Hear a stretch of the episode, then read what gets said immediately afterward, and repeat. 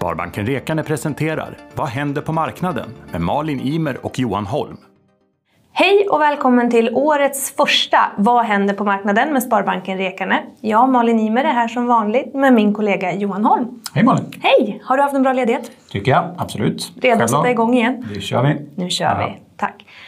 Om vi ska sammanfatta den finansiella marknaden Mm. år 2020, hur kan man göra det på ett enkelt sätt? Ja, det har ju varit ett väldigt speciellt år, så är det ju. Eh, och backar man tillbaka bandet kan man säga så här att när vi kom in och stod här för ungefär ett år sedan, då var det ett ganska normalt år. Vi hade lite konjunkturoro, lite sådana här saker som spelade in. Men framförallt det som hände sen då, det är ju att eh, coronaviruset ställde allting på ända och vi fick en en otrolig oro egentligen i marknaderna som startade någon gång i mitten på februari och höll i sig till mitten på mars eh, med rejäla nedgångar på marknaderna. Eh, så att det har varit ett, ett väldigt konstigt år på det sättet. Eh, det vi såg då också det var ju att världens centralbanker var ute ganska snabbt och stimulerade och lugnade marknaderna. Så att vi fick faktiskt en ganska snabb tillbakagång med, med positiv, positiv sentiment, eh, alltså uppgångar och så vidare egentligen på marknaderna. Och sen har det hållit i sig under resten av året. Så att jag tror att vi nådde botten någonstans runt 20-22 mars där någonstans. Och sen har vi faktiskt haft ett ganska positivt klimat på, på världens marknader. Och det är ju mycket tack vare de här stimulanserna då från centralbankerna och så vidare. Så att, men ett väldigt speciellt år eh, där man egentligen har sett allt man kan tänka sig. Allt från markanta, djupa, breda nedgångar till en ganska stor optimism faktiskt också på de finansiella marknaderna. Så att, eh, konstigt år. Det hände grejer kan man Det säga. kan man säga, ja. Om vi ska titta på förutsättningarna för 2021 då, Mm. vad tror du där? Nej, men nu ser det ju ganska bra ut kan man väl säga. Eh, vi har ju fått ett vaccin, som, eh, eller flera vacciner, men nu börjar det rullas ut. Vi börjar vaccinera runt om i världen med, med riskgrupper och äldre personer och så vidare, vilket gör att förutsättningarna för, för 2021 är, bättre.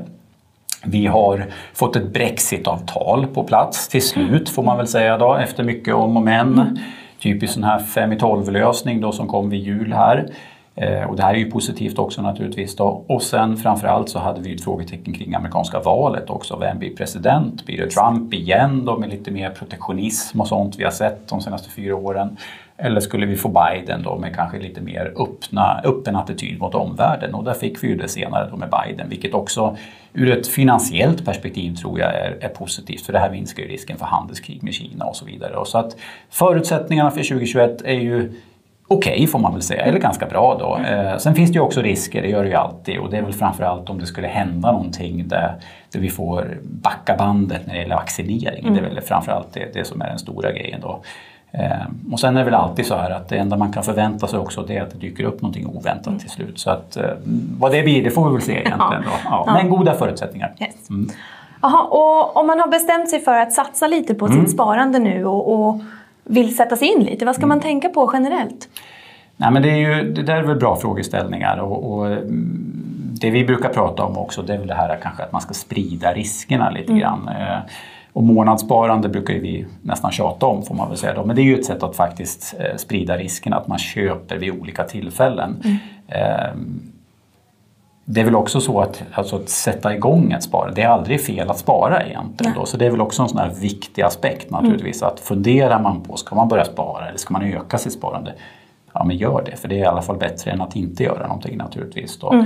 Eh, och sen med, med lite facit på hand då, utifrån hur 2020 var att just det här också att när vi får de här liksom dramatiska händelserna på världens börser, att kanske inte agera känslomässigt utan att försöka se liksom långsiktigt och det är det tid slår timing på något sätt egentligen. Då. Så att eh, är man långsiktig så är det viktigare än att man försöker hitta de här perfekta köp eller säljtillfällena för det, det gör man nästan inte. Så att, eh, men framförallt, sätt igång och spara. Det är väl Sätt det igång. Ja, och ha is i magen. tror jag. Ja, precis.